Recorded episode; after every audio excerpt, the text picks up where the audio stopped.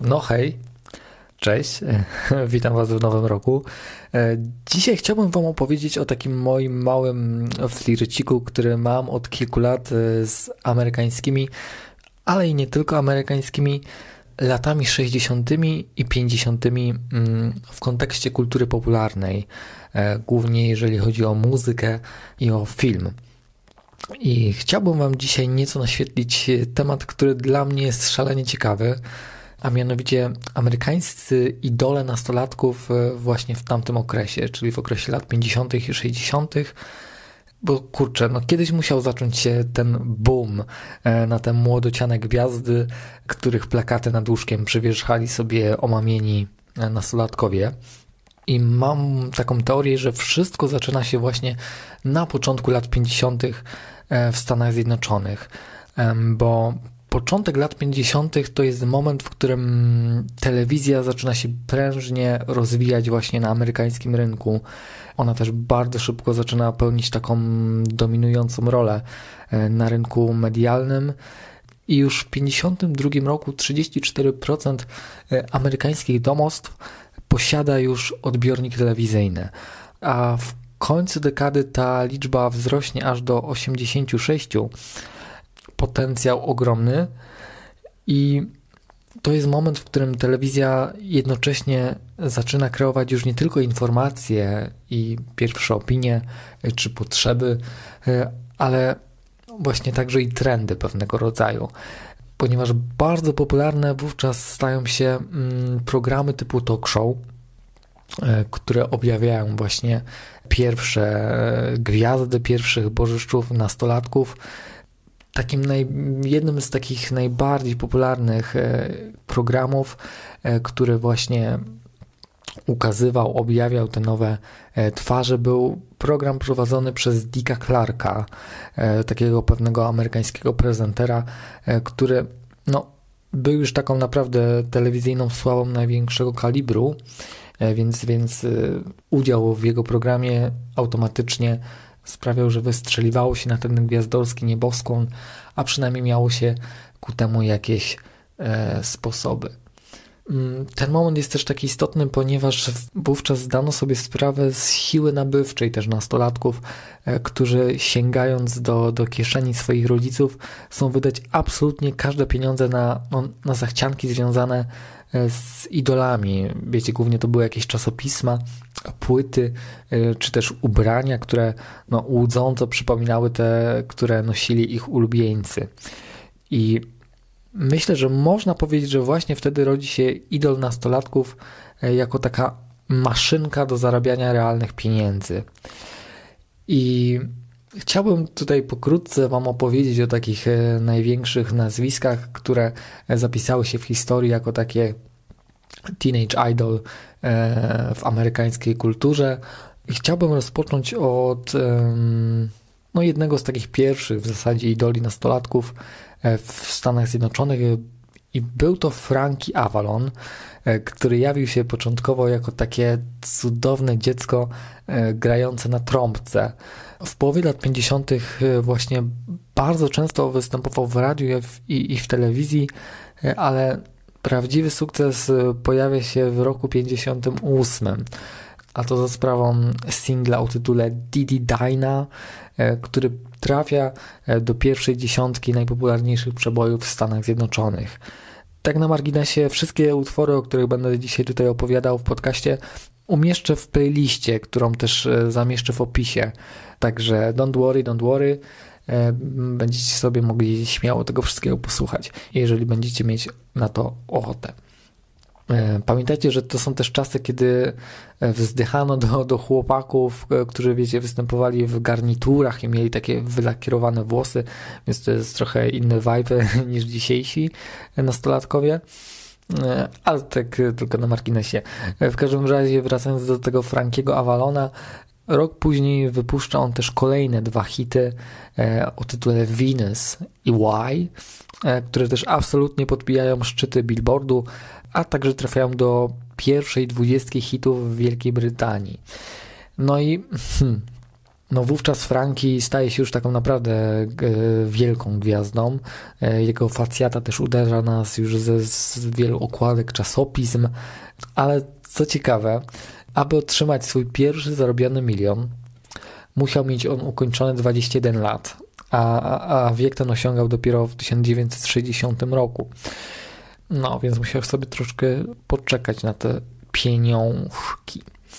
E, to jest w ogóle ciekawe, bo mm, bardzo często też w tamtym e, czasie po sukcesie takim fonograficznym kierowano z automatu swoją mm, karierę na ścieżkę aktorską. I jakby tak nie patrzeć, e, w zasadzie nie zmieniło się to. E, współcześnie, wiecie, gwiazdy pokroju Miley Cyrus, Selena Gomez czy, czy Ariana Grande też naprzemiennie grywały przecież w, w, w serialach i jednocześnie nagrywały piosenki. No i tak też właśnie postąpił Frankie Avalon, mm, gdzie brał on udział w wielu takich produkcjach skierowanych właśnie do młodych widzów, notabene też z inną ich idolką, o której też będę wspominał zaraz. Hmm. Produkcje może nie były zbyt wybitne, ale no dobrze wiemy, że, że nie o to w tym tak naprawdę chodzi, prawda? E, cóż, no, generalnie Franki Avalon mm, nie cieszył się taką przychylnością krytyków e, przez swój no, kiepski głos, jak to e, pisano, ale no, mimo to zapisał się w historii jako jeden z takich najbardziej, jako jeden z bardziej uwielbianych wokalistów e, młodego pokolenia. A wspomniana wcześniej idolka to jest Annette, e, dokładnie Annette Funicello, e, która sławę zyskała pod e, szydem Disneya, występując w klubie Myszki Miki. Znajomo to brzmi, prawda? A była tam też gwiazdą pierwszej wielkości, bo miesięcznie otrzymywała nawet od fanów blisko 6 tysięcy listów, więc ona też była doskonale znana młodszej publiczności. Do pierwszej dziesiątki takich najpopularniejszych piosenek w Stanach Zjednoczonych wprowadziła takie przeboje jak Odio Mio czy Pineapple Princess ale w latach 60. Annette skupiła się głównie na, na karierze aktorskiej, e, biorąc udział właśnie w filmach skierowanych do nastolatków, które okraszone były śpiewem, tańcem. Między innymi występowała właśnie z Frankie Avalonem, e, no czy też z innymi e, gwiazdkami jednego sezonu. Bardzo popularną serią była wówczas taka seria Bikini Beach, Party Beach i jeszcze inne beach, które nie przywodzą na myśl takie High School Musical 2. Tak, tak, tak, tak. Także to, to jest coś, coś w tym klimacie. Także możecie poszperać, jeżeli myślicie, że, że to może być wasz, wasz wajbik. E, inną wielką młodocianą gwiazdą był Ricky Nelson, e, który w odróżnieniu do swoich kolegów już od najmłodszych lat w zasadzie e, wychowywał się w kręgu show biznesu. Mm, a to za sprawą swoich rodziców, którzy w latach 30. i 40. byli takimi znanymi estradowymi artystami. Ricky Nelson sam z bratem debiutował początkowo radiowym, e, później w telewizyjnym programie mm, o tytule The Adventures of Ozzy and Harriet, e, notabene występując z własnymi rodzicami. Ale start jego kariery to tak naprawdę rok 57 kiedy wypuszcza singiel I'm Walking i Teenager Romance, no, które wyprzedają się w milionowym nakładzie i czynią też z Rickiego od startu e, gwiazdę pierwszej wielkości. Potem co prawda następuje zmiana we twórni i pójście w taki bardziej rockabilly, e, można by powiedzieć, styl i wówczas powstaje tam singiel Stood Up, e, który podbija Wielką Brytanię, a także singiel Poor Little Fool, który świetnie sobie akurat radzi na amerykańskich listach przebojów. Ricky Nelson występuje też, e, może mieliście okazję widzieć, bo to jest jeden z takich bardziej popularnych e, filmów, występuje w westernie Rio Bravo u boku samego Johna Wayne'a i Dina Martina. I jego rola nie jest tam jakoś szczególnie ogromna, ale E, co mnie niesamowicie śmieszy, że nawet w westernie nie może zabraknąć sceny, gdzie, e, no, gdzie młodociany idol popisuje się e, swoimi umiejętnościami wokalnymi. Także tak, ale w 1961 roku wypuszcza dwa bestsellerowe hity, w tym jeden mój naprawdę ulubiony Traveling Man i wypuszcza też singiel Hello Mary Lou. Po swoich 21 urodzinach, czyli w momencie, kiedy mógł sobie zainkasować te pieniądze, które zarobił, e, Ricky postanawia oddzielić symbolicznie e, swoją nastoletnią twórczość i farbuje się na blond i zaczyna twerkować na gali MTV. E, nie, no, taki żart. Kiedyś robiono to bardziej subtelnie. Także Ricky zmienia tylko swoje imię i z Rickiego staje się poważnym Rickiem. Hmm. Niestety dla amerykańskich idoli nastolatków ogromnym zagrożeniem okazała się brytyjska inwazja bitu i e, tym samym Beatlesów, która spowodowała no, spadek popularności Rickiego. Natomiast znalazł on też pewną niszę dla siebie, w której mógł przetrwać i, i skierował swoje kroki e, do muzyki country. Tak czy siak, mm, Ricky Nelson należy do głównych przedstawicieli pokolenia takich ugrzecznionych chłopców wczesnych lat 60. E, w jego repertuarze znajduje się nawet piosenka Teenage Idol, e, także no, chyba nie da się już bardziej wymownie mm, nadać sobie statusu. Innym skrojonym na miarę takim bożyszczem nastolatków miał być chłopak o imieniu Fabiano Forte, który w 1957 roku zostaje odkryty przez poszukiwacza gwiazd w klubie Teen 20, e, notabene prowadzonego przez wspomnianego już wcześniej Frankiego Avalona.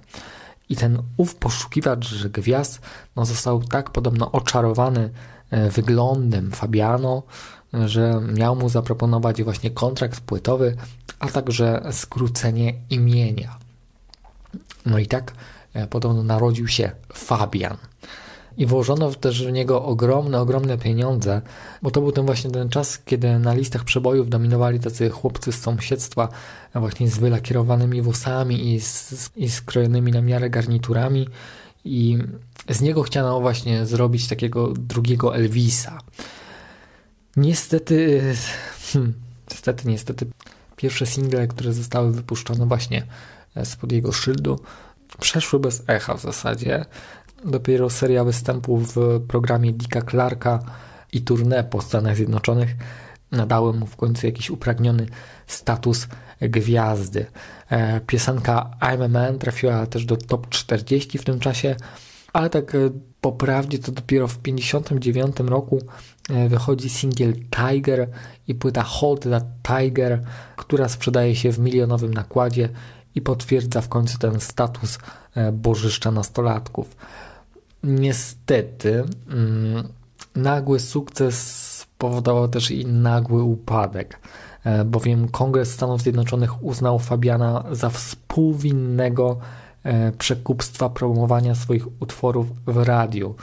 Mm, sam Fabian też pogorszył jeszcze swoją sytuację, ujawniając, że, że na płytach został elektronicznie udoskonalony jego głos. Także no cóż, boom, była gwiazda, nie ma gwiazdy. E, taki jest show no cóż. E, inną ulubienicą młodych e, dziewcząt była z kolei Leslie Gore, e, która początkowo debiutowała w siedmioosobowym zespole jazzowym, żeby już w 1961 roku rozpocząć karierę jako solistka. I no, nie uwierzę nikomu, jeżeli ktoś powie, że nie zna piosenki It's My Party, bo ta piosenka, mm, będąca taką opowieścią o problemach e, ser- sercowych nastolatków, mm, w zasadzie, w zasadzie stanowi taką jedną z najlepiej zapamiętanych piosenek z lat 60., e, więc e, no, nie uwierzę nikomu, kto tego nie zna. Płyta, którą debiutowała Leslie, E, zdobywa z miejsca pierwsze miejsce w Stanach Zjednoczonych i też numer 9 w Wielkiej Brytanii, a z radia sączą się co róż kolejne hity, chociażby piosenka You Don't Owe Me, która bodajże w 2015 czy 2016 doczekała się takiego popularnego e, covera na Spotify, może kojarzycie. Ogólnie według krytyków Leslie Gore jest jedną z takich pierwszych wokalistek, które w swoich piosenkach też e, postulowały o większe prawa dla kobiet. Także jest to na pewno bardzo ciekawa postać. Mm, tak. Trochę starszym idolem dla nastolatków był Bobby Darin, e, który swoją karierę rozpoczął serią występów w kawiarniach w Nowym Jorku. E, jego debiutem singlowym była z kolei piosenka My First Love, która no niekoniecznie osiągnęła sukces, tak samo jak trzy kolejne. Dopiero singiel Splish Splash trafił na trzecie miejsce Billboardu, a kamieniem milowym w jego karierze jest rok 58 i hit Queen of the Hub, e, który sprzedał się też w milionowym nakładzie. E, natomiast moim prywatnym faworytem jest piosenka Dream Lover, e, która zdobyła szczyt Wielkiej Brytanii i numer dwa na amerykańskiej liście przebojów. Natomiast Bobiemu Darinowi zarzuca się niestety taką popową arogancję, bowiem miał niby powiedzieć, że, że jest lepszy od samego Franka Sinatry. No cóż, ocencie to sami. Jednym z najbardziej utalentowanych e, takich idoli nastolatków e, pochodzących z kalifornijskiej szkoły muzycznej był kolejny Bobby i był to Bobby Rydell, który przed publicznością występował już w wieku 7 lat, e, a dwa lata później jako perkusista w programie telewizyjnym Teen Club u boku też Frankiego Avalona. On się w ogóle cały czas przewija, jak widzicie. W 54 założył nawet z Avalonem duet, E, który co prawda niewiele zawojował, mm, no ale jakieś tam doświadczenie e, zdobył. E, jego pierwszym solowym singlem była piosenka Fati Fati. Takim jego największym przebojem była piosenka Volare. Hmm. Niestety i w tym przypadku brytyjska inwazja Beatlesów no, przekreśliła jego dalszą karierę ale na przykład artystą, który idealnie wpisywał się też w taki wizerunek e, nażelowanego chłopca z sąsiedztwa był znowu Bobby, e, tym razem Bobby Wee, e, który w 1961 roku osiąga sukces piosenką Rubber Ball, która dociera do czwartego miejsca brytyjskiej listy przebojów, a także przez trzy tygodnie okupuje pierwsze miejsce w Australii. E, do jego najsłynniejszych singli należy piosenka też e, The Night Has a Thousand Eyes, która ma trochę szalony teledysk, także możecie sobie zerknąć. Mm, niestety i tutaj możecie domyślić się, jak potoczyła się dalsza kariera Bobiego, no czyli po prostu Beatlesi Attacked. Ale ta lista wykonawców, przez którą Was dzisiaj właśnie tutaj prowadzę, zdecydowanie nie miałaby sensu, gdyby nie pan, którego zostawiłem na koniec, a mianowicie Paul Anka. Jeżeli nic Wam nie mówi to nazwisko, to na pewno znacie przebój Diana. No mówię Wam, na stówę znacie. I Paul Anka już od najmłodszych lat e, śpiewał w chórze i marzył właśnie o wielkiej karierze piosenkarza. Chodził też na wszystkie koncerty, podglądał swoich największych idoli, co skutkowało tym, że w 1957 roku wyrusza na podbój Nowego Jorku, gdzie otwierają się dla niego też drzwi wytwórni, gdzie są wprost oczarowani talentem pisania chwytliwych melodii i tekstów o nastolatkach właśnie przez Ankę. E, I to właśnie tam też e, nagrywa swój pierwszy przebój wspomnianą Dianę. Ale później na listach przebojów w zasadzie jak grzyby po deszczu co róż pojawiają się kolejne hity, e, w tym mój ulubiony Put Your Head on My Shoulder, który dla mnie jest w zasadzie taką kwintesencją pioseneczek dla nastolatków w tamtym czasie. Paul Anka natomiast wiedział, że jego kariera no, nastoletniego idola no, nie będzie trwa, trwała wiecznie, i skierował swoje kroki do Las Vegas, mm, gdzie grywał już dla dorosłej publiczności. E, zresztą mam wrażenie, że Paul Anka jest jednym z tych nielicznych artystów, którego popularność zdołała się przebić e, na drugą stronę Atlantyku, do, do Europy. Mm, wystarczy chociażby spojrzeć na, na, na YouTube, na jego filmik z wizytą w Helsinkach, gdzie był naprawdę otoczony kordonem fanów. E, a poza tym w 1963 roku wystąpił on nawet w Polsce. E, co prawda, mm, no, polska publiczność nie miała okazji usłyszeć wszystkich przebojów e, Pola Anki, ponieważ krótko po tym, jak Pol Anka wszedł na scenę, to dotarła do niego wiadomość o mm, zabójstwie prezydenta Kennedy'ego I, i podobno nie był już w stanie później kontynuować koncertu. I tak, i kurczę, w ekspresowym zasadzie tempie przejrzeliśmy sobie tych wszystkich e, idoli niegdysiejszych nastolatków i Dajcie w ogóle znać, czy znaliście kogoś z tej listy, czy słuchacie w ogóle takiej muzyki. Mam nadzieję, że patrząc teraz na współczesnych idoli nastolatków, ciepło pomyślicie o ich przodkach, e, którzy, no bądź co bądź, utorowali im w jakiś sposób drogę do kariery. Także to by było dzisiaj na tyle. Pozdrawiam Was i do usłyszenia niebawem. Hej!